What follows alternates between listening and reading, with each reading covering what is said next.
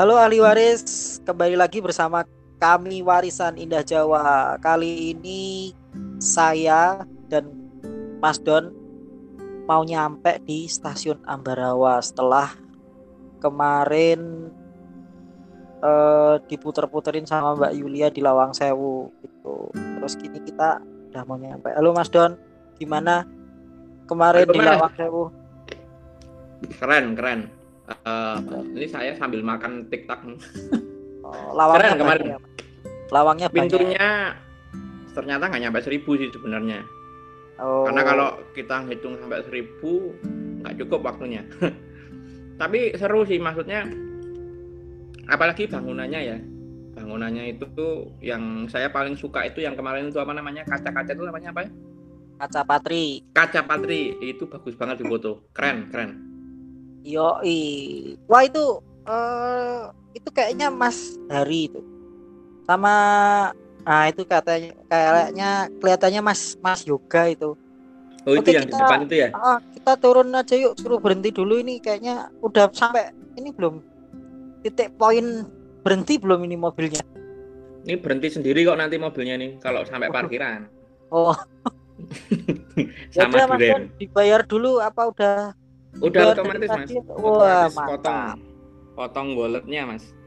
Dan kita tinggal letter. turun, ucap terima kasih sama Pak sopirnya, terus kita ketemu terus dipukul. Mas Hari. Dipukul. Karena nggak bayar. Nggak bayar ya. Ini nggak perlu repot, nggak perlu ada kembalian receh mas. Langsung. Wah mantap. Cashless, cashless lah. Cashless, yes. Yuk, pancal kita langsung turun. Oke. Okay. Turun pak. Makasih Pak. Wah. Di jalan tadi juga nyaman sih. Ah ini Mas Hari. Mas Hari, halo. Halo, oh, iya Mas. Halo. Mas Yoga tadi mana ya? Halo, halo. Ini nih Yoga nih, ini ini ini ini ini ini. Oke, ini Nah, tiketnya nih. Ini stasiun Ambarawa nih udah tua sekali ya, Mas. Apa sih Mas yang menarik? Dulu saya terakhir ke sini sih SMA ya. Jadi ya nggak tahu melihat logo terbengkalai gitu bentuknya beda mas ya. Raka yombian ya. Iya sebenarnya kalau ini kan sebenarnya salah satu stasiun sentral ya mas. Kalau kemarin kita sempat mencoba naik kereta dari Jogja Solo sampai dengan Semarang. Ini sebenarnya adalah lanjutan lagi mas. Uh, kalau kita mau ke Jogja ini lewat uh, salah satu rute atau lintasan yang lainnya yaitu melewati Ambarawa, Magelang, Sleman sampai nanti sampai ke Jogja lagi. Jadi polanya oh, yang dibentuk itu mirip seperti uh, ini, seperti parabola atau seperti uh, garis imajinirnya itu seperti busur gitu mas. Jadi kalau kita lihat kan bentuknya lengkungnya C, ada seperti oh. uh, garis imajiner eh, yang membentuk. itu bukan mas? Bukan ya? Tapal kuda, ya bener, bener. Oh, uh, uh, saya mau bilang itu. Jadi kan ada sumbu imajiner antara di Jogja itu kan lurus ya mas Gunung Merapi Keraton dengan pantai selatan kalau kereta api yang di Jawa Tengah itu sumbu imajinernya bentuknya seperti tapal kuda. Hmm. Jadi dan di Ambarawa ini sepat, seperti titik fokusnya gitu. Jadi uh, bentuknya kalau parabola itu kan pasti ada titik tengahnya ya mas, titik fokusnya ya. Dan titik fokusnya itu di Ambarawa ini. Jadi oh. kalau kemarin kan kita pas lewat stasiun Kedung Jati itu kemarin uh, itu adalah jalur percabangannya itu salah satunya ke Ambarawa ini mas gitu.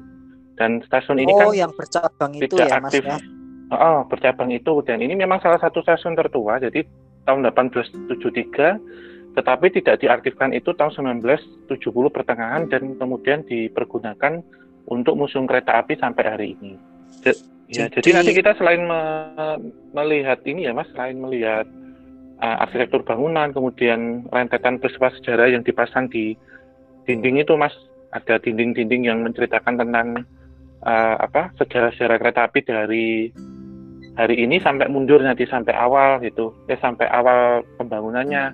Kemudian yang spesial dari stasiun Ambarawa adalah kita bisa menikmati loko lokomotif uap atau loko lokomotif zaman dahulu dan diesel juga lokomotif diesel. Selain itu juga di sini ada ada wisata jadi wisata untuk kereta uap sama kereta api diesel. Dan nanti untuk lokomotif uap yang nyeritakan Mas Yuga itu Terus aku lagi. ya tadi jatahku yang banyak loh ini. jatahku banyak banget deh. Udah ini karena kita lihat ada rombongan yang baru yang mau masuk, kita mending sekarang aja ya biar nggak rame ya. Oke, nah saya mau saya mau nanya nih uh, sama Mas Hari sama Mas Yoga. Sebenarnya itu saya saya nggak tahu sih di mana sisi letak menariknya uh, sebuah logo gitu kan. Logo ya cuma ya logo gitu, menarik gerbong.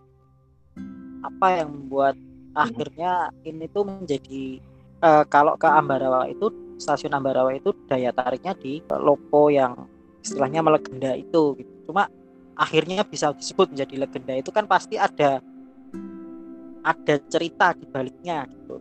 Nah itu mas di baliknya itu nanti ada tulisannya itu mas. Nanti Mas Yoga akan ini berdua ini nanti balik loko berarti ya. Iya. Iya, kita balikkan. Kita balikkan. ini sebenarnya libat apa ya mereka? Saya saya belum saya belum jalan kok udah capek. Itu mau jawab Mas apa saya nih? Mas Ojo deh. Untuk loko saya menceritakan stasiunnya. Nah, jadi kalau Mas Wija tadi tanya kenapa kok bisa dibilang menarik, itu sebenarnya ini peninggalan Mas. Peninggalan dari apa? Atau peninggalan dari revolusi industri yang masih bisa kita jumpai sampai saat ini. Wah, keren banget. Ya. Iyalah, keren.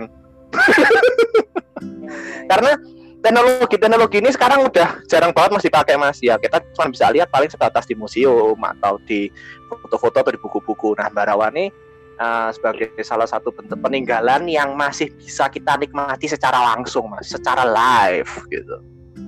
Jadi boleh dikatakan mungkin pada zaman kolonial teknologi mm -hmm. tercanggih pada saat itu adalah kereta api. Iya bisa dibilang gitu. Main kayak apa ya? Telepon telepon telepon belum masuk ya waktu itu telepon udah sih mas sebetulnya. Cuman kan masih sangat terbatas. Jadi modelnya masih pakai kayak kalau telegram tuh loh. Telepon satu arah tuh loh. Tapi dibandingkan sama kereta ini lebih canggih si, si lokomotif ini ya? Ya kalau secara teknologinya bisa dibilang lebih nggak bisa disamain sih mas. Sebenarnya teknologinya kan sedikit berbeda. Cuman kalau secara teknologi uh, apa ya kita bilang uh, teknologi transportasi ya kereta api ini sudah dibilang maju ya uh, gitu kan kalau telepon kan teknologi komunikasi mas bukan transportasi emang kita mau naik pesawat telepon mas. Tapi ini mesti gitu. maju mas tak mungkin mundur. Ya kalau butuh mundur ya di personnel mundur mas nanti katanya mundur. Tapi tetap maju kan arahnya iya arahnya mundur. Semua lokomotif yang di Ambarawa ini yang paling banyak punya cerita apa? Wah yang banyak cerita? Semuanya punya cerita ya mas. Nanti nanti nanti kita sambil jalan kita sambil lihat nanti sambil dijelasin lah gitu. Sambil masuk juga nanti jelasin stasiunnya tuh. Nah itu kan spesialisasi mas Hao tuh. Cie, oh. iya nggak mas Hao oke ini di stasiun ini apa nih Mas Hari? Selain kalau lokomotif kan ini Mas juga yeah. nih yang tawangnya nih. ini ini soalnya banyak banget ya lokonya Mas pada di sini. Jadi kita pilih untuk beberapa yang apa ya ikonik aja lah biar ada di Ambarawa gitu. Ya, ya. Yang sering buat foto aja Mas. Kan ikonik pasti. Halo, kalau kita kalau kalau kalau kita bahas semua nanti nggak selesai Mas. oh iya, bisa tiga hari ini Mas. Iya. Capek kita Mas muternya Mas uh, ini kita sampai di peron ini mas, peron stasiun. Jadi kalau kita lihat bangunan stasiun Ambarawa yang sekarang ini sebenarnya ini adalah bangunan kedua. Jadi uh, bangunan barunya boleh dibilang demikian. Bangunan yang ini itu sebenarnya dibangunnya sekitar tahun 1910 dari pemugaran bangunan yang pertama pada tahun 1873. Stasiun Ambarawa dulunya itu uh, untuk konstruksinya semuanya hampir menggunakan konstruksi kayu. Dan pada tahun 1910 semuanya dirubah menggunakan konstruksi dari batu bata dan untuk atapnya kita lihat yang atap luarnya ini menggunakan konstruksi struktur baja mas. Stasiun Ambarawa ini secara desain itu sebenarnya ada tiga stasiun yang polanya itu hampir sama atau desain arsitekturnya hampir sama. Uh, stasiun Ambarawa ini overcapping, overcapping itu penutup atasnya mas, jadi rangka struktur atas yang dari baja ini sekitar 20 meter untuk bentangnya. Kemudian punya adik dia stasiun Ambarawa itu masih punya adik lagi yaitu stasiun Kedung Jati. Yang kemarin kita lewat itu mas. Yang kemarin stasiun Kedung Jati itu sama. Adik adik pertama itu adik pertama. bentangnya bentangnya itu sekitar 17 meter. Lalu punya adik lagi. sama. iya desainnya hampir sama semua. Yang ketiga itu stasiun Purwosari di Solo. Itu bentangnya sekitar 14 meter dan ketiganya ini tiga stasiun ini itu uh, sistemnya atau atau bentukannya itu stasiun pulau. Jadi di kanan kiri diapit oleh jalur kereta yang sama gitu. Cuma yang membedakan kalau kalau yang kita lihat sekarang itu yang ke arah utara, yang ke arah Semarang, ke arah Tutang itu menggunakan lebar gauge 1435 mm dahulunya dan yang ke arah uh, selatan atau ke arah Magelang sampai Yogyakarta itu menggunakan lebar gauge 1067 mm dia hampir sama seperti yang sekarang. Eh 1067 ya Mas juga ya? 1067 yang ke oh, arah ya, ke ini Selatan yang ke arah ke yang ke arah ke Magelang itu 1067 kalau yang ke Gedung Jati 1435 cuma pas zaman Jepang dibongkar 1435 jadi 1067 ya. ini kan dulu ada perbedaan lebar apa namanya? Rel lebar bentang. Rel, ya. lebar rel ya. bentangnya beda satunya 14 sekian satunya 10 sekian. Kan ada selisih sekitar 300 atau 400 meter sekian ya. Nah itu nek beda gitu terus logonya gimana mas? Bisa rodanya bisa nyesuaiin sendiri atau? Uh, logonya tetap tetap sama mas. Jadi ada dua logo yang lebar ininya lebar gauge berbeda. Jadi ada logo yang untuk spesialis 1067 dan ada yang untuk 1435 termasuk kereta untuk angkutan penumpang dan gerbong untuk angkutan barangnya sama. Sehingga di stasiun Ambarawa ini itu sering kali semua lokomotif atau semua kereta rangkaian kereta yang dia datang dari Magelang sampai dengan Temanggung Paraan yang membawa komoditi ini ya hasil bumi ya seperti tembakau, uh, gula ataupun kopi atau apa yang sampai di stasiun Ambarawa ini semuanya harus berhenti harus turun. Dan kalau kita lihat di di bangunan yang paling ujung utara itu dahulunya untuk pencatatan dan untuk penimbangan. Jadi eh, karung-karung ataupun peti-peti yang me mengangkut hasil bumi saat diturunkan di sini itu akan ditimbang di ruang itu, kemudian akan dipindah atau oper oper Steven dalam bahasa Belanda. Kalau kita tahunya oper itu kan pindah ya, itu akan pindah ke uh, arah yang ke Semarang yang menggunakan gerbong uh, lebar gauge 10 eh 1435. Jadi nanti dari Ambarawa akan langsung dibawa ke Semarang Haven atau pelabuhan di Semarang. Tapi perpindah, jadi ada transit di sini mas semuanya kereta. Kalau kemarin kita bilang waktu di stasiun Solo ya Solo Balapan itu untuk transit lintas selatan di sini untuk transit yang dari arah pedalaman tanah Jawa. Salah satunya yang paling jauh kan dari Temanggung sampai Parakan waktu itu itu itu itu itu Mas Ica lagi mengamati itu Mas Wung. Saya tuh mengamati kok bisa dia ngelamun.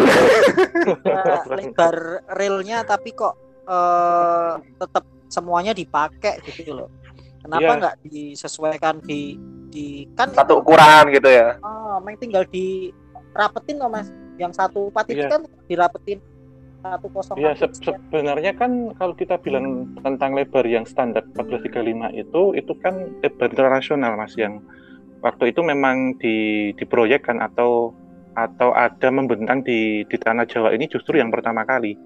Jadi kan kalau kita kemarin bilang tentang stasiun Tugu pun juga sama yang di peron selatan itu menggunakan lebar 1435 sementara di stasiun Tugu yang peron utara itu 1067 jadi memang uh, berbeda dengan kondisi kereta api yang zaman sekarang semuanya sudah diseragamkan dengan 1067 pada masa kolonial Hindia Belanda uh, ada dua lebar yang berbeda dan memang ini menggunakan standarisasi yang berbeda juga.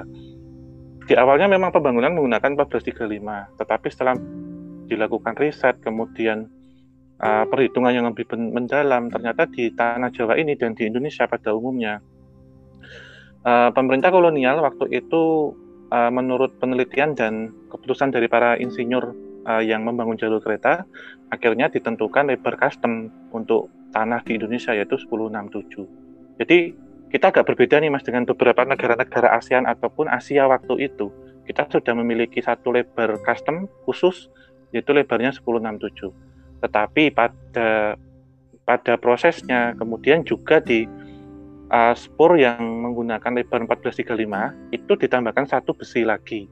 Jadi uh, seperti dual gauge ya. Jadi satu rel itu ada tiga tiga besi baja yang mana kemudian ada dual gitu dual track jadi ada 1067 dan 1435 dan oh, untuk untuk untuk uh, dual ini apa dual gauge ini itu dulu pada tahun 1929 pemasangannya dari stasiun Yogyakarta sampai dengan Solo Balapan kemudian uh, lurus itu sampai dengan stasiun Gundi jadi Gundi itu yang kemarin dari Solo ke utara mas tapi semuanya kemudian pada tahun 1942 di, disamakan semua. Jadi waktu pendudukan Tetsudoso Kyoku zaman dari Nippon Jepang itu semuanya di di ini di apa? Disamakan ghostnya menjadi 1067 sampai sekarang gitu. Jadi ada ada seperti pensegera uh, diseragamkan waktu itu waktu dari Nippon Jepang masuk ke Indonesia. Standarisasi ya ya disandarisasi menjadi 1067 karena semuanya bahkan yang di Ambarawa kemudian yang di Jogja bahkan sampai di Solo semuanya dijadikan satu standarisasi yaitu 1067 karena lebih efisien sih mas karena lebarnya kalau kita lihat 1067 itu berarti ini kereta yang di Nippon itu juga yang di Jepang sekarang juga lebarnya 167 mas kalau di Jepang itu uh, ini waktu saya ke sana ya mas waktu ke Jepang bulan November kemarin semua saya amati ya ada beberapa lebar-lebar yang berbeda kalau untuk kereta antar kota yang yang yang kecil ya, yang untuk kereta uh, antar desanya di sana itu memang 1067 ada yang 1188 juga. Tapi kalau untuk kereta antar kota yang cepat, yang rapid train sama Shinkansen itu menggunakan 1435 jadi lebar standar. Karena kalau kita lihat lebar standar yang 1435 untuk kereta-kereta cepat itu memang semakin lebar relnya itu kan semakin cepat tuh mas kereta bisa maju. Dan lintasannya pasti lurus. Karena kalau di Indonesia diterapkan 1067 1435 eh, kan tidak cocok karena naik turun kemudian berkelok kemudian untuk hitungan kurvanya itu yang membuat beberapa jalur kereta kemudian rawan kereta anjlok. Tapi kalau di luar negeri seperti di Jepang mereka buatnya pasti akan lurus relnya Nah, dulu kan Dan, kan pemerintah Indonesia itu kan pernah punya uh, project kereta cepat tuh Mas kalau nggak salah. Hmm. Jakarta Masih Bandung. sekarang kayaknya. Oh, K, nah, KCIC apa ya? Berarti kan harusnya logikanya pakai 1435 dong Mas. Kalau memang yeah. ini project kereta cepat. Iya, sepertinya lebar standar sih Mas, tapi nggak tahu Mas juga tahu nggak itu pakai 10 4 eh 1435 apa ya KCIC Yang itu? Mana? KCIC, KCIC pakai 1435. Oh iya, karena itu standar mas. Kalau kereta cepat itu pasti 1435 rata-rata. Karena Sama kan... ini LRT, LRT Jakarta itu pakai 1435. Oh LRT ya? Kalau M-nya MRT 1067, cuman kalau yang LRT malah 1435. Heeh. Minta gubernurnya dulu mintanya gitu. Hmm, wah ini Mas juga uh, sahabat Sahabat rel. Padahal kereta itu mau pakai rel lebar apa aja tuh udah cepet loh mas menurut saya. Tapi hmm, nggak bisa berarti... mas. Soalnya ini ada ada batas kecepatannya soalnya. Kalau kalau kita samakan ya sebenarnya untuk 1067 itu kan maksimal taspat sebenarnya 90 km per jam mas. Sementara untuk negara-negara maju ya oh. kalau 1435 itu sudah dipergunakan untuk kereta api dengan kecepatan 300 km per jam. Jadi kalau kita naik kereta eksekutif ya sekarang itu di sini itu kalau di Jepang sana sebenarnya kereta antar desa itu mas. Kecepatan. Kecamatan. Antar desa gitu. Jadi ah. kalau di antar kota yang pakai 1435 itu mungkin antara Tokyo sampai ke Kyoto itu kan cuma butuh 145 menit satu jam 45 menit. Itu kalau di sini kan 8 jam mas kecepatan anunya. Wah, berarti durasi ini, tempuhnya. ini ilmu baru ini. Besok kalau saya jalan-jalan ke Eropa atau ke Amerika gitu amin saya mau bawa Amin. meteran mas saya mau bawa meteran terus nah saya nggak mau ketipu toh. Ini kereta cepat apa bukan? Nah tak ukur relnya.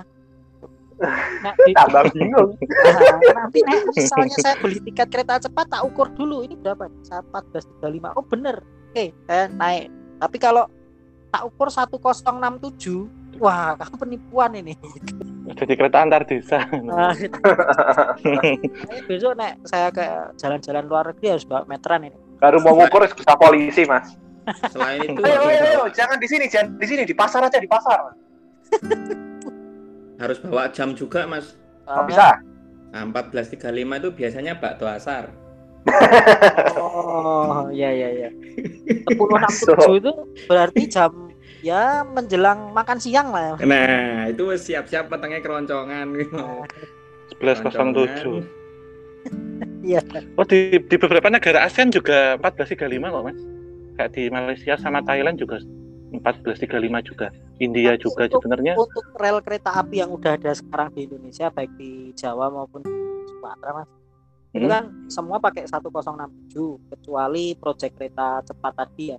Apa nggak ada rencana mutasi untuk, mutasi uh, balik lagi ke 1435 mengingat kita kan apa-apa ini sekarang ditutup semua serba cepat kalau di sini nggak bisa mas, karena memang studi tanahnya di Indonesia untuk konturnya nggak cocok sebenarnya. Kecuali kalau layang ya untuk untuk apa jalur kereta layang. Cuman kalau 1067 memang salah satu lebar trek yang sudah sesuai dengan kondisi tanah. Pertama, yang kedua memang uh, diperlukan juga dana yang besar mas kalau kalau kita bangun dengan 1435. Jadi memang 1435 itu untuk untuk spesialis kereta yang cepat. Karena kalau nanti kereta cepat Jakarta Bandung sudah jadi sebenarnya kan ada kereta cepat Jakarta Surabaya.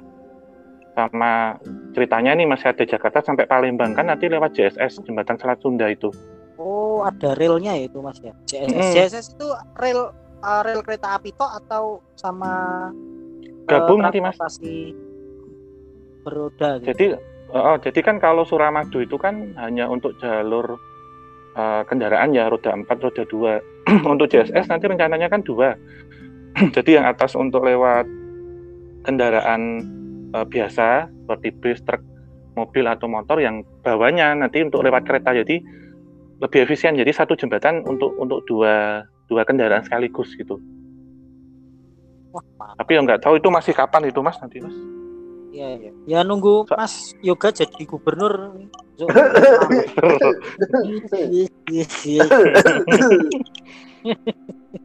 Karena kan kalau 1435 kan kalau di luar negeri itu kan lurus mas treknya. Jadi minim belok, kemudian minim naik turun dan kalau lewat bukit juga harus di harus di apa bikin terowongan gitu lurus. Jadi kecepatannya itu bisa konstan gitu. Kalau di Indonesia kayaknya nggak cocok apalagi lewat daerah-daerah pegunungan. Bikin bikin buat jalur rel zaman dulu itu kan kalau gaya company kan kalau semua apa ditabrak mbak udah mas buatnya lurus dari Jakarta Semarang lurus Semarang sudah lurus maksudnya mereka juga akhirnya kalah sama alam gitu.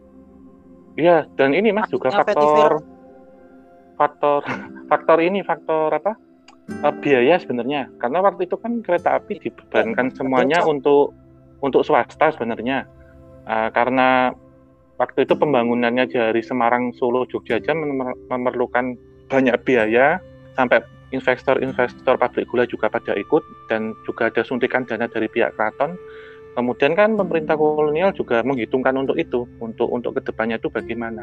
Dan waktu perusahaan negara uh, Star Spurwagon dibentuk, mereka sudah menghitungkan jalur yang efisien termasuk pembuatannya. Dan kalau kita lihat kan uh, proses pembangunannya juga juga melintasi beberapa medan alam yang tidak tidak gampang gitu mas berbeda dengan di Eropa kalau di Eropa yang mungkin bisa dibuat karena jalurnya lebih landai saat di tanah Jawa ini ternyata harus melewati sungai yang sangat panjang dalam kemudian juga bukit belum lagi tanahnya yang labil gampang longsor dan macam-macam uh, jadi memang banyak pertimbangan sih karena kalau kalau kecepatan kereta waktu itu hanya 60 sampai 70 km per jam atau kurang sehingga beberapa insinyur akhirnya menentukan lebar yang pas yaitu 1067 untuk Indonesia uh, di Jawa waktu itu. Wah harusnya berarti uh, para insinyur di Eropa sana tuh kalau mau belajar bikin rel harusnya tuh ke Indonesia ya? Hmm, ya ya nggak juga sih mas ya. Cuman kalau di sini itu kan custom itu kan sebenarnya khusus ya. Jadi ada spesialis. Tapi kalau untuk internasional 1435 tetap dipakai lebarnya. Kan kalau railway engineer itu kan ke Jepang mas sebenarnya, karena mereka punya banyak banyak ini punya banyak lebar gauge dan kereta keretanya itu variatif gitu. Modelnya banyak ya? Oh, model-modelnya kan banyak itu untuk untuk ngelihat ada yang subway lewat bawah tanah, ada yang di atas tanah gitu, ada yang dibikinkan jalan layang. uh, jadi lebih variatif gitu kalau di Indonesia kan sebenarnya hanya hanya monoton aja kan hanya satu gitu keretanya untuk untuk ini apa railway engineeringnya jadi kurang gitu oke jadi wah menarik nih kalau bahas baru bahas realnya aja panjang. panjang kan? panjang. Ini belum masuk logonya ini. Waduh. Ya. Mas Yoga logo logo roti tawar atau logo malah tadi tidak tahu aku namanya. Iya kita bahas yang deket-deket dulu aja. Itu kan yang di display yeah. di pojokan tuh, ya, yang warnanya krem hijau tuh, yang kayak sekop. ya kalau dibilang sih kayak sekop karena emang mukanya depan itu kalau dia tuh kayak ini loh ya kayak sekop buat gali pasir tuh loh mas dibilang bahasa Inggrisnya head kepala okay. sekop uh-huh. itu salah satu lokomotif pertama yang didatangkan ke Indonesia lokomotif diesel sorry lokomotif diesel elektrik pertama yang didatangkan ke Indonesia Duh, kok ML ya Mas Ket mau ya? Setiap, Mas juga ngomong ini tekeknya di stasiun ini. Berarti itu iya. diaminin Mas itu diambil Amin. sama penghuninya sini. Amin. Ya. Itu ada Suki. dua kemungkinan sih. Loh, mandek mana lo, Mas? Bapak ya. oh, mandek mana lo? Diomongin dua kemungkinan itu. Bisa diamini atau dipaidu itu. Berarti gini, biasanya mitosnya itu kan kalau ganjil berarti diamini, berarti positif, tapi hmm. kalau negatif berarti ditolak berarti negatif. Eh ya negatif itu katanya mitosnya. Suara copet mm -hmm. nanti dihitung aja. Positif apa? Katanya berapa kali? Ganjil apa? Oke jadi terus gimana Mas Yuga Nah, kita lanjut lagi nih. Jadi lokomotif yang kayak sekop tadi itu, bukan roti tawar ya, kayak sekop itu punya nama panggilan itu namanya jengki. Karena masuknya itu di era tahun 50-an.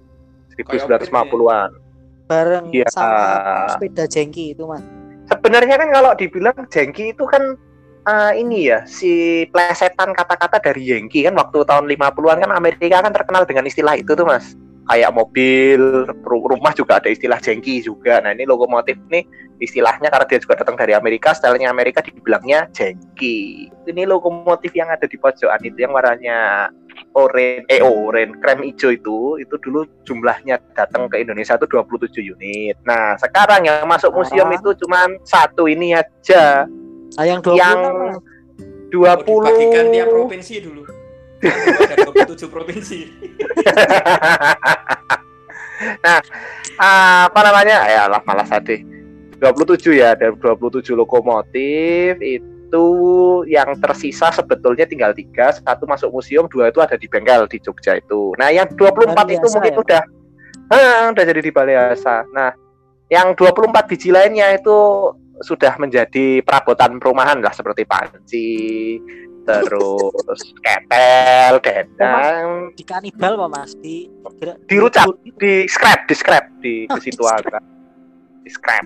Bahasa bahasa kayaknya di scrap tuh itu juga itu juga itu juga aduh ya apa ya mungkin karena teknologinya bisa dibilang teknologi diesel lawas ya diesel tua jadi ya efisien kalau dipakai untuk sekarang karena ya itu tadi udah boros tipe mesinnya juga lama jadi yang salah satu yang selamat ini yang dibawa ke Ambarawa gitu mas emang itu, dulu udah ada hmm. udah ada solar ya mas ya udah dong mas solar itu dari perang dunia pertama udah ada kok kita 50-an.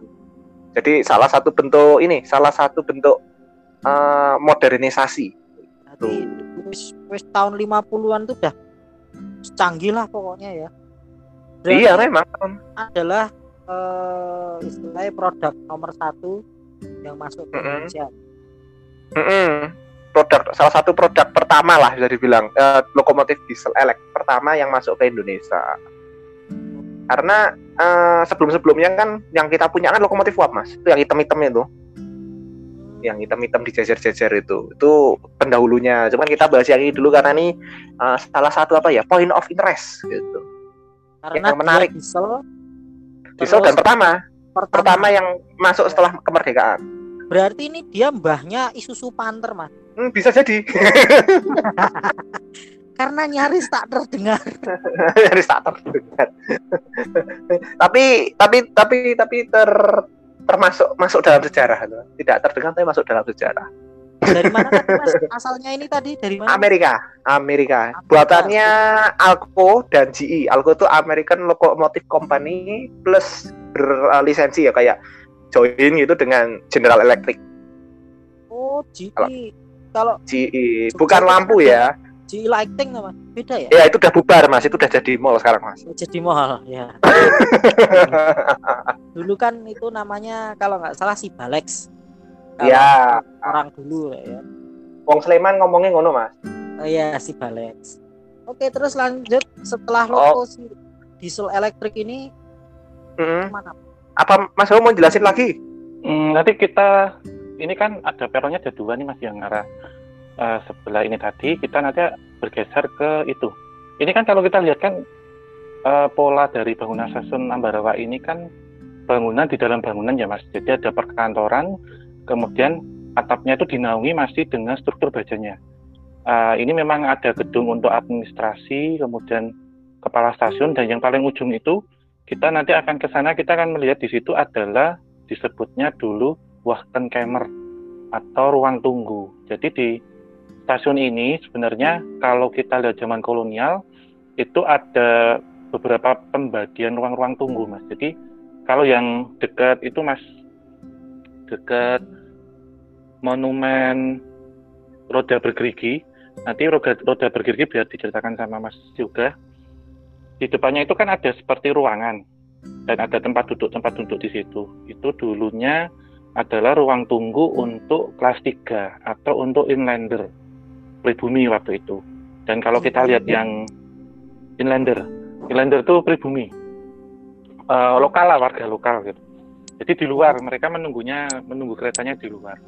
Kalau kita melihat yang ruangnya yang itu, yang lampunya menyala dan uh, mewah itu, itu adalah Wachtenkammer yang dipergunakan untuk kelas pertama atau bangsa Eropa waktu itu. Jadi sering juga disebut dengan ruang kopi. Karena di situ kan untuk ada kafenya gitu, kafenya untuk untuk menikmati kopi kopi Banaran waktu itu. Jadi perkebunan Banaran itu memang sudah sudah lama zaman dahulu dan untuk hasil buminya, untuk hasil kopinya selain diangkut uh, diekspor ke luar negeri juga dinikmati di stasiun ini, Mas. Oke, lalu untuk tadi kan inlander kelas 3, Mas. Lalu hmm. untuk istilahnya warga company Eropa itu kelas 1 ya. Hmm. Kelas 2-nya campuran. Kelas 2 itu ini Mas, timur asing. Jadi timur asing itu Tionghoa, kemudian ada Jepang, uh, warga Arab itu India itu juga masuk timur asing sebenarnya. Oh. Ya, sehingga kan kereta api kemudian dibagi menjadi tiga kelas kan, uh, seperti eksekutif, ekonomi dan bisnis. Tetapi ya. untuk untuk kelas uh, eksekutif ya waktu itu first class atau first class atau kelas satu itu hanya diperuntukkan uh, hanya untuk di, warga ini apa pribumi piayi atau keturunan ningrat lah waktu itu dan beberapa orang-orang pejabat-pejabat Belanda karena orang Belanda yang umum atau orang Belanda biasa itu lebih memilih naik kelas 2 bahkan juga kelas 3 karena orang Belanda akan naik kelas 1 itu ketika mendapatkan uh, tiket ataupun tugas kerja, jadi dibiayai oleh perusahaannya, uh, atau juga naik kelas satu itu hanya untuk untuk keperluan-keperluan yang lebih penting lah. Mereka kan lebih save ke uang mas, jadi orang Belanda itu kan terkenal pelit juga. Jadi mereka ya, lebih memilih ada kalau istilah godats kan mas. Uh, iya itu memang kalau hirah dalam bahasa Belanda itu kan memang pelit mas artinya. Jadi orang Belanda lebih lebih memilih naik kelas bisnis kalau dia untuk keperluan pribadi daripada dia harus mengeluarkan uh, spare uang yang banyak untuk naik kelas eksekutif kecuali kalau pas dalam perjalanan dinas dibayarin kantor gitu. Jadi memang sifat-sifat seperti itu itu sudah menurun ke sampai sekarang ya Mas ya. Iya, ya, jadi kan sudah uh, warisan budaya seperti itu. Warisan-warisan uh, warisan-warisan kolonial itu kan kita jumpai tidak hanya sebatas bangunan ya atau monumen ataupun tempat tapi juga habit atau kebiasaan-kebiasaan dari uh, pemerintah kolonial itu juga masih ke bawah hingga hari ini gitu.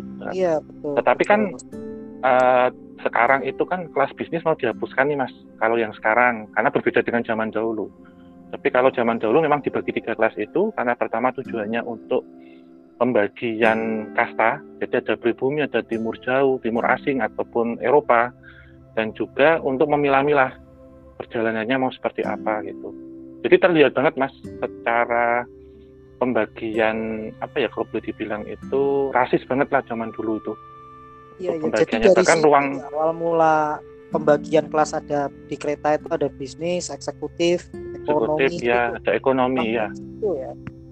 Iya, dan hanya orang-orang yang seperti pribumi priayi, orang-orang ningrat itu yang boleh naik kelas satu gitu.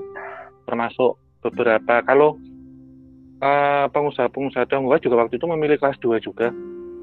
Karena kelas satu itu hanya kereta khusus gitu. Nah, kalau sekarang mengangkutnya. zaman sekarang udah dibedakan dengan pakai uh, apa mas? Kalau yang dari uh, keluaran produk terbaru tuh luxury ya? Kereta luxury. Iya. Ya. iya aneh-aneh kalau sekarang sih mas. Ada ekonomi premium ada luxury ada imperial.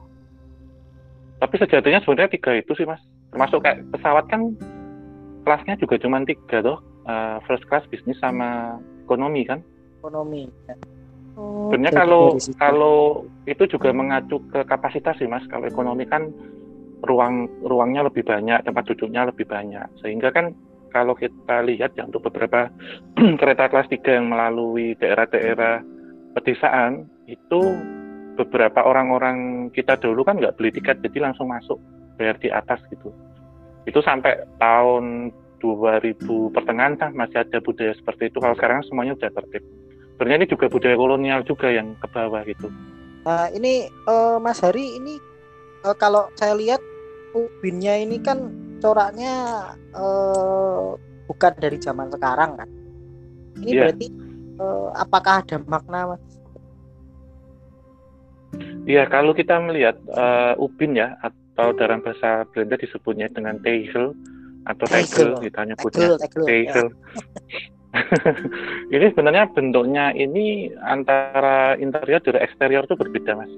Jadi kalau di dalam coba kita mendekat kita ngelihat untuk ruang uh, tunggu kelas 1 ya Wachtenkammer atau Erste Klasse bisa kita lihat untuk tegelnya kita lihat itu kan ada motif motif-motifnya itu kan menyerupai uh, arah mata angin dan bunga teratai yang ada di tengah dan di sini memang ada tulisan James and Heron.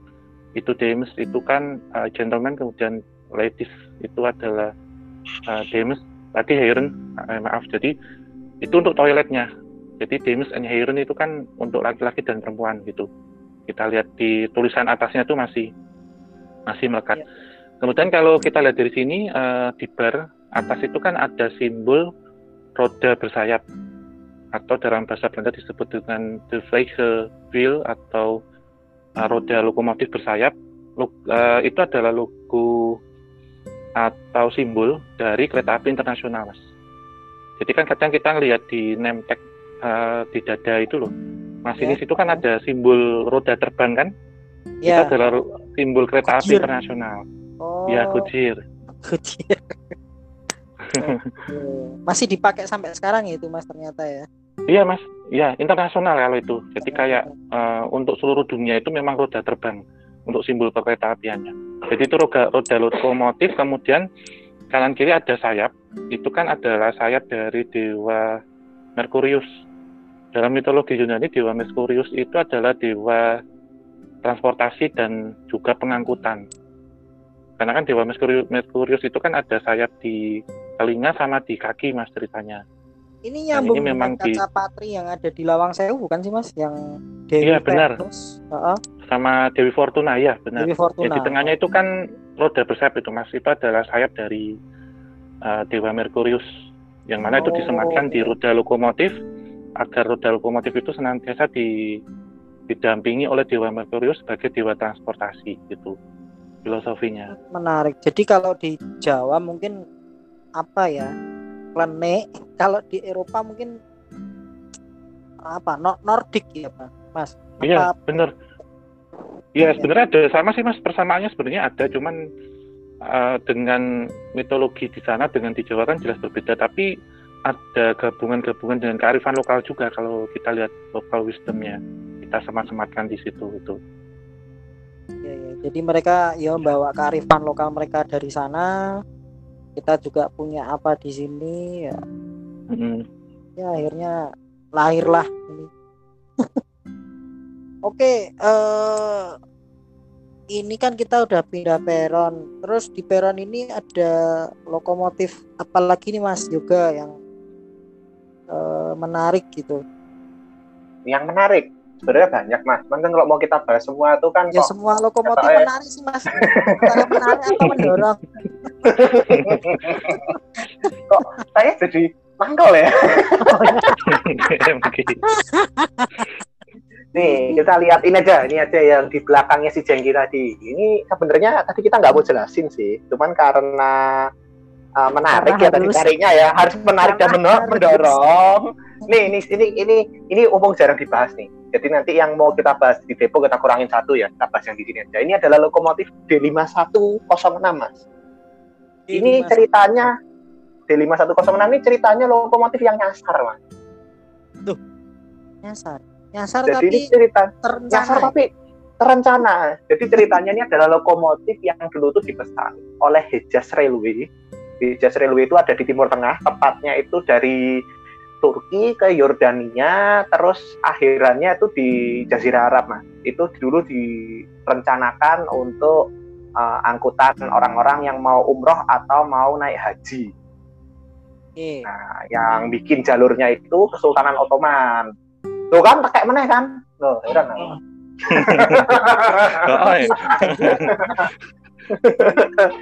ya udah biarin aja kayaknya mau ikut mau ikut ini mau ikut mau ikut jalan-jalan nah loko si Hejaz Railway ini sendiri itu dulu aslinya dipesan uh, di pabrikan Hartmann di Jerman terus karena pecah perang dunia pertama terus sama adanya pemberontakan di Jazirah Arab loko ini gagal dikirim mas? Gagal dikirim ke apa namanya Yordania waktu itu. Nah. Terus gara-gara gagal dikirim Nah, barangnya ini dongkrok. Barangnya ini dongkrok di Jerman. Sampai akhirnya ditawarin ke Staatsbauwagen. Nah, Staatsbauwagen itu perusahaan kereta api milik negara yang dikelola oleh pemerintah Hindia Belanda. Ditawarkan ibaratnya ya kayak regoner pada murah loh mas. Agak miring. Dengan persyaratan loko ini itu aslinya untuk lebar rail lebar rail yang agak aneh mas. 10 50 mm nah yang umat meneh kan 10 okay. 50 mm sedangkan Indonesia itu 10 67 mm nah, sedikit sedikit masih bisa dilebarin nah setelah dilebarkan oleh perusahaan uh, berarti Hartmann di Jerman sekarang hmm? bil mobil modif itu kan rodanya agak uh, agak gitu tuh mas agak biar dia ceper gitu loh ya ini biar lebar mas biar nah, ceper tapi rodanya lokomotif ini ya dibenggangi gitu mas Iya, dibenggangi. Iya, berarti di, kan di, di, disebar kayak gitu. Kayak mobil. Ya, kayak mobil menggok menggok custom salum kan loh, Mas. Nah. Ah, oh, mantep Bisa ngedrift berarti. Nah, itu betul. Kayak gitu. nah, udah Nah, terus setelah dilebarin, total tuh ada 10 lokomotif yang belum sempat dikirim ke ini ya, ke Hijaz Railway ini dibeli sama SS dan dibawa ke Jawa. Jadi kalau Masnya lihat di bagian kabin masinis itu jendelanya yang bagian depan bulat, Mas kayak khas-khas Timur Tengah loh. Dan itu Jadi nuansa. 10 unit, 10 unit. Oke. Nah, Nyasar 10 unit itu 10 unit. Oke. Nyasarnya berjamaah, Mas, borongan. dan dan ternyata memang setelah setelah dibeli itu ternyata tidak tidak mengecewakan mas di sini kepake dengan uh, jadi bilang apa ya tenaganya bagus terus uh, nggak bukan barang ecek-ecek lah gitu. bukan kaleng-kaleng lah Waktu itu belum ada PSBB ya? Oh belum. Makanya berjamaah tadi. iya, nggak dilarang. ini yang di museum ini sekarang tinggal satu. Ya, D51 ini dari 10 unit yang pernah datang ke Pulau Jawa ini tinggal satu yaitu D51 uh, 06 yang dulu tempat aktif terakhir itu di depo lokomotif Kutoarjo sebelum akhirnya dipindah ke Ambarawa gitu. Ini logonya lumayan berat loh mas beratnya lokomotif ini kurang lebih sekitar 78,7 ton.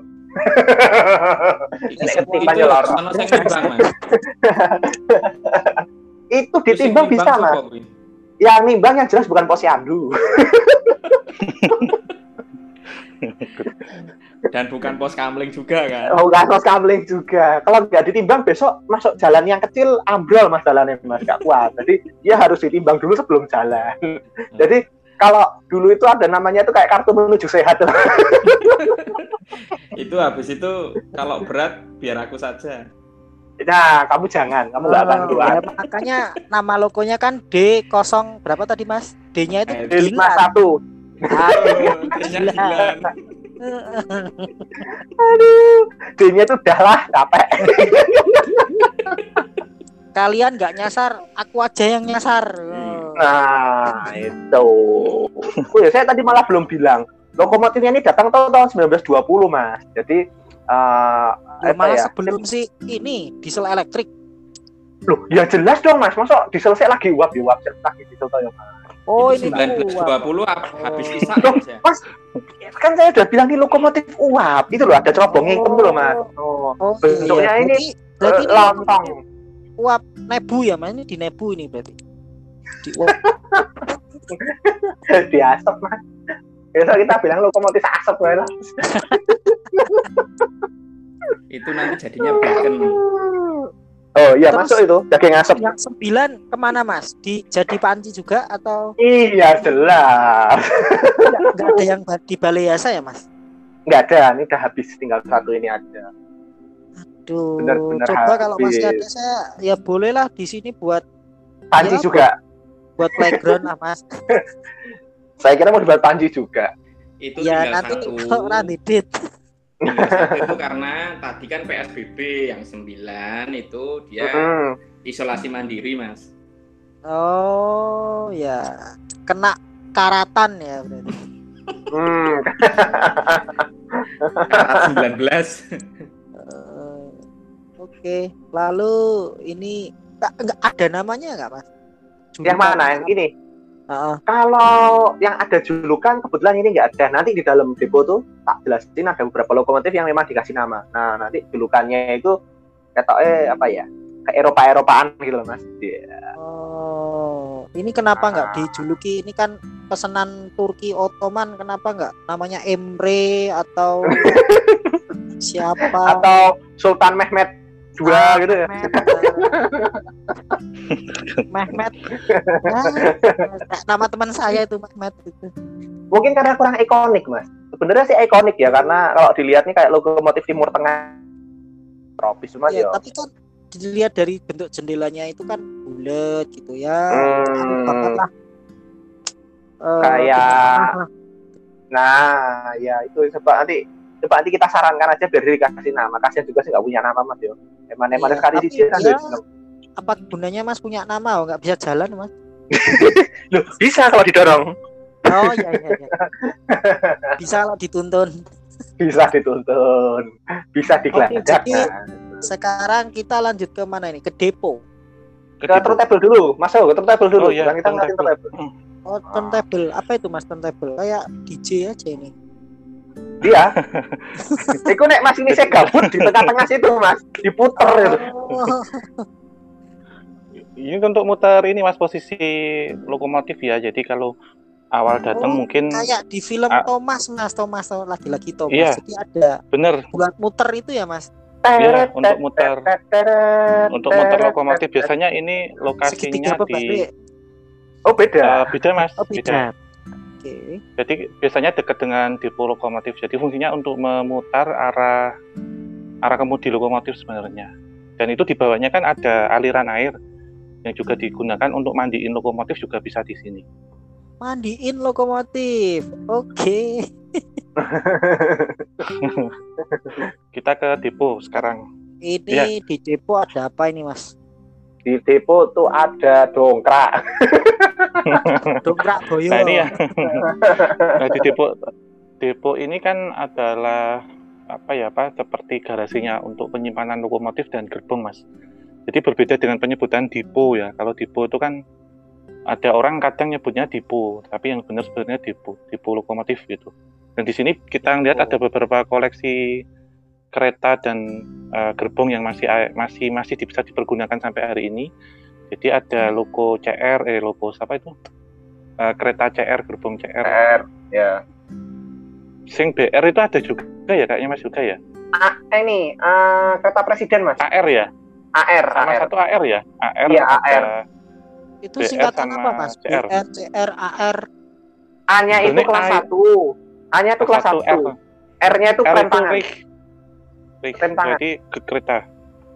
Terus B itu kelas Oh. 2, C itu kelas 3, Mas. Tiga, ya.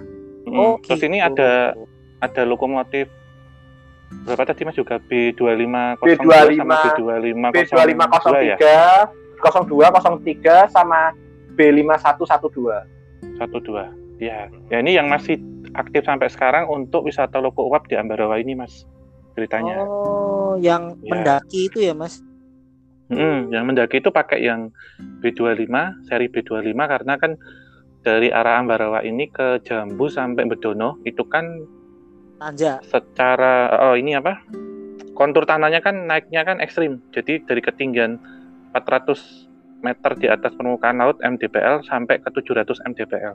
Jadi rentan 300 MDPL itu kan curang banget gitu. Dan ini memang salah satu lokomotif bergerigi yang masih aktif. Salah satunya di Tanah Jawa ini. Yang satunya kan ada di Sumatera Barat. Tapi sudah nggak aktif ya Mas juga yang di Sumatera Barat ya? Yang Sumatera Barat itu lokomotifnya rusak, tapi kalau angkutan batu baranya udah nggak jalan sejak tahun 2000-an lah. 2000-an itu udah nggak udah berkurang, udah udah nggak jalan. Ya. Kalau di dunia itu ada empat. Di Swiss, India, Indonesia satunya itu mana ya? Eropa kayaknya dua Ah. deh. Satunya Jerman apa Prancis ya? Apa Jerman tuh ada, Belanda? tapi udah nggak jalan juga. Belanda nggak, ke Jerman ada, teman udah nggak jalan. Swiss satu, Jerman kayaknya ya. Jerman di- Swiss kayaknya ya. di- yang lewat pegunungan Alpen. Iya, iya. Terus satu lagi itu sebenarnya dulu ada di Vietnam mas, Oh, di Dalai. Cuman udah nggak udah nggak jalan. Nah itu lokomotifnya dibawa ke Swiss. oh di Vietnam. Oh, Iya, di Dalai. oh berarti satu-satunya yang masih aktif sebenarnya eh, untuk wisata ya walaupun sekarang untuk wisata berarti Ambarawa. Oh Inggris ada satu tuh ya? mas. Ya Jambu Bedono Inggris ada juga. Oh iya, iya. Yang masih kalau di Asia ya tinggal ini. Iya Eropa, Eropa kayaknya ya kok. Ada. Kalau di Asia tinggal ini aja. Dan ini kan jalurnya itu sebenarnya sampai Gemawang. Sebenarnya Iya, kan sampai sampai- Gemawang, Mas. Jadi dari Jambu, Bedono, Gemawang. Cuman untuk lintas Bedono, Gemawang itu sudah tidak aktif tahun 1970-an pertengahan lah. Sehingga yang masih bisa dipakai itu sekarang eh, Jambu sampai Bedono. Itu kan kalau kita lewat jalur utama itu yang arah dari Magelang sampai Semarang itu kan kita ngelewati pinggir rel yang ada bukit. Nah itu jalur rel bergeriginya di situ. Tapi dalam bahasa Belanda disebut Tenderet, Tenderet Spoor. Oh, Iya. wah. Ini tadi lumayan roaming sih ini. Soalnya bayangin loko, bayangin ini banyak ini sih banyak banyak hal baru jadinya eh, bingung mau mau mau nanggepin yang mana Iya. gitu. Menghadapi kehidupan aja mas kita udah. Ada begitu. nah ini ini ya ini agak agak apa ya eh, di luar pembahasan tentang eh, kereta. Ini masih sebenarnya stasiun ini tuh masih ada hubungannya dengan apa eh, benteng apa namanya benteng Willem ya? Benteng Willem, iya masih mas. Oh, Iya. Jadi kalau kita melihat ya stasiun Ambarawa ini memang ditujukan waktu itu pembangunannya untuk mengangkut uh, militer atau serdadu perang waktu itu serdadu Belanda. Karena kan uh, waktu itu Raja Willem pertama, Raja Belanda yang pertama, itu memberikan konsesi ataupun izin. Nanti kalau membangun jalur kereta dari Semarang sampai dengan Forstenlanden, Forstenlanden itu Surakarta dan Yogyakarta, dibuatkanlah cabang salah satunya ke kota militer, yaitu kota Ambarawa. Karena di Ambarawa ada benteng, benteng Willem Inn atau Willem pertama. Sehingga stasiun Ambarawa ini selain eh, dinamakan Ambarawa, sebenarnya nama awalnya itu adalah stasiun Willem Inn atau Willem pertama. Karena lokasinya tidak jauh dari benteng Willem Inn ya. Jadi dulu di awal kan jalur yang 1067 itu kan baru dibangunnya itu 1905 eh, tahun 1900 sampai 1905 Mas. Jadi lebih duluan jalur yang 1435. Jadi stasiun Oh. Ambarawa itu di awalnya hanya melayani satu peron. Setelah ditambahkan satu peron baru tahun 1905 pada tahun 1910 dibangunlah bangunan yang seperti sekarang. Jadi seperti uh, rebuilding, jadi pembangunan diperbesar gitu. Di awalnya memang lebih melayani 1437 dan tidak untuk melayani penumpang, tapi untuk angkutan militer. Karena kalau kita kemarin waktu di kereta ya, uh, waktu kita perjalanan kita singgung, ternyata kok ada percabangan dari Gedung Jati sampai Ambarawa, karena pemerintah kolonial India Belanda, militernya waktu itu sadar kalau mereka membuat pangkalan militer di pantai di pantai utara itu mereka tahu gitu bahwasanya kalau angkatan laut kerajaan Inggris itu jauh lebih kuat. Sehingga kalau kita lihat persebaran benteng-benteng di tanah Jawa khususnya itu pasti di pedalaman mas. Jadi kayak Freiburg mungkin di Jogja kan di selatan ya.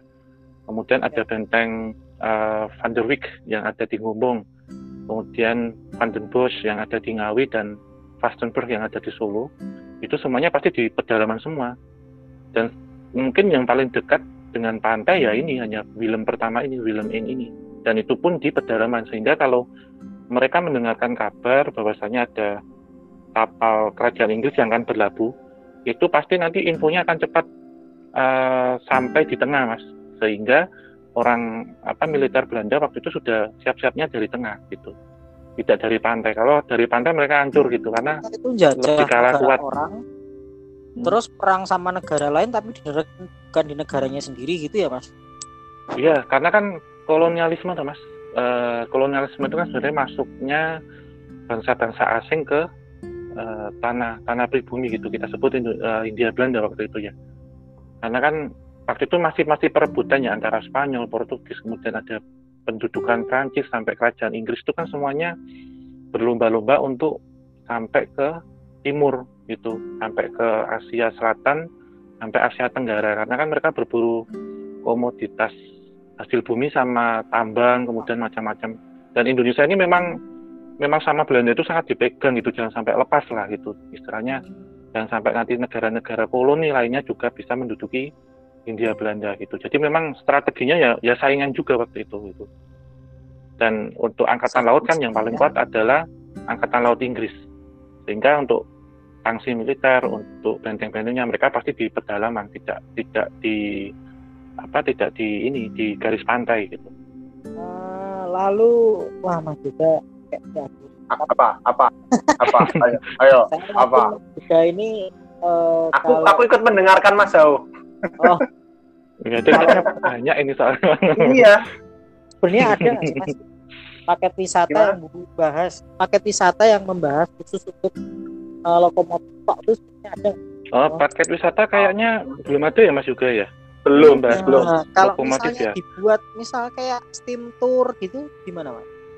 Dulu Bisa tuh pernah di... ada sih steam tour terus sempat rame juga maksudnya banyak peminatnya cuman ya harus di ini ya kita kayak harus godok pasar lagi tuh karena kan sebenarnya mungkin ada cuman mungkin pada nggak tahu aja sih kalau hal-hal seperti itu tuh uh, apa ya? karena ini pengetahuan tentang lokomotif ini kan juga uh, se sebenarnya secara nggak langsung mengantarkan kita ini untuk mm -hmm. tahu sejarah masa lalu gitu. Misalnya sejarah tentang pas zaman perang lalu bagaimana berkembangnya teknologi ini kan namanya orang buat lokomotif kan pasti disesuaikan dengan zamannya. Apa yang lagi ngetren di zaman itu mereka pasti akan ber apa istilahnya berasimilasi lah tuh kolaborasi lah.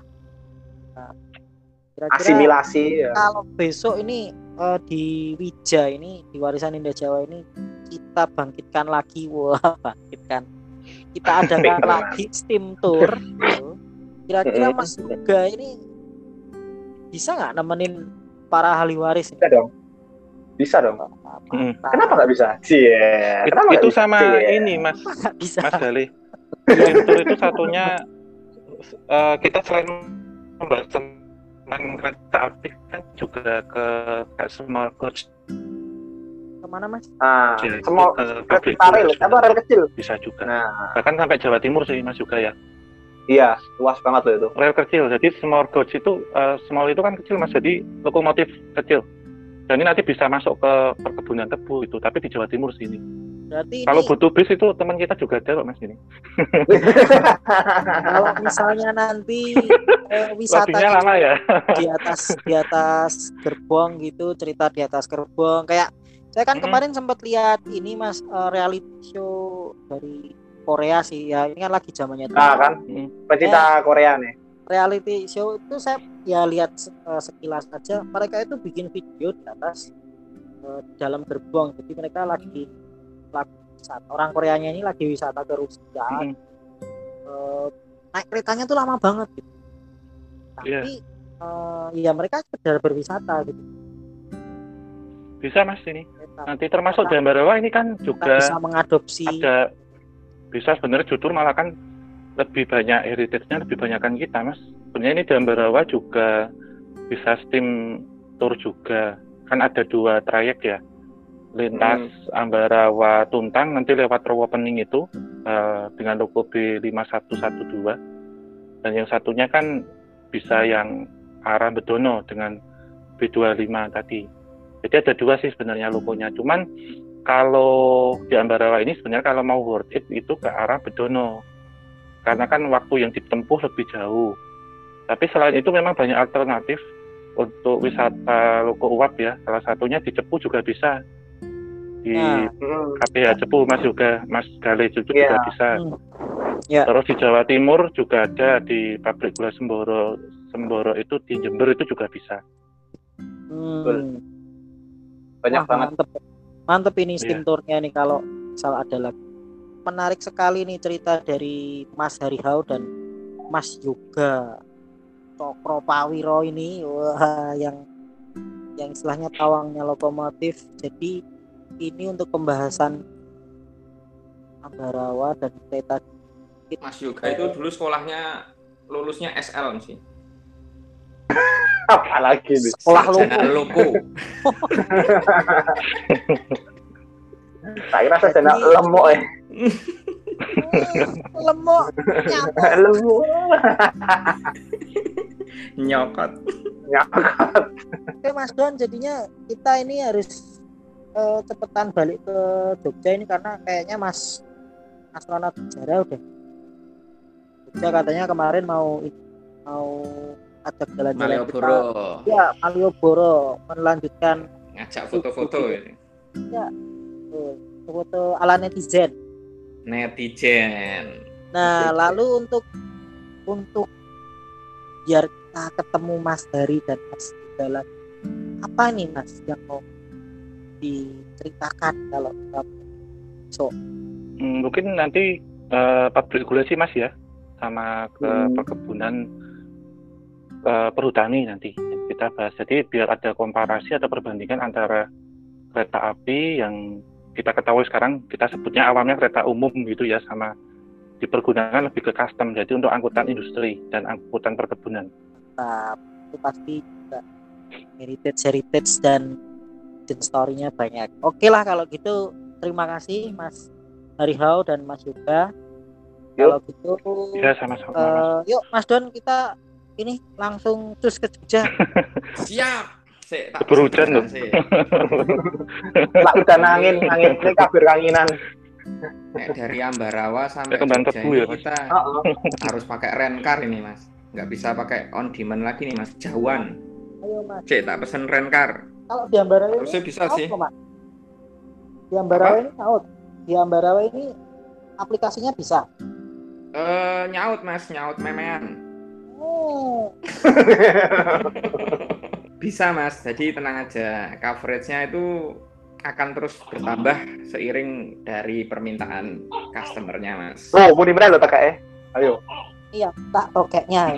Nah, tokeknya itu udah minta itu, minta dibuatkan layanan nah, di Ambarawa. Oke, Mas, sudah dapat? Bentar, Mas. Rencar ini agak perlu waktu karena eh, nggak uh, bisa dadaan. Oh. Jadi nanti kita sambil ngopi dulu di seberang situ, Mas. Ada warung kopi katanya ya. Har atau Mas? Ada warung kopi, mas. Ada tuh. Tapi kopi ya? saset loh. Hah? Tapi kopinya kopi saset. Oh tenang aja mas, nanti tak campuri nganggo si Wah, ini kalau di depan ini pak masih pakai kopi saset, wah bisa nih mas Don kita tawari kopi kosbar. kosbar. Nah, ya iya. Oh, iya. Betul. Pilihlah kopi kosbar ini eh ini harus kita tawarin ini kayaknya. Ya, nanti pada ketergantungan itu nanti bisa lama-lama. Wah. Nanti kalau Oke, okay. nah ini ah. dapat nih nyantol nih, Sip. nyantol nih. Oke. Okay. Tapi dia okay. masih dalam perjalanan, paling kira-kira ya kita lagi? ya seteguk dua teguk botol kopi. cold brew, cold brew. Cold brew. Ya wes sampai sini dulu nanti kita ketemu lagi Mas Oke, Hari. Terima kasih Mas dan Mas, Mas Yoga Prawiro Tirjo. Yuk.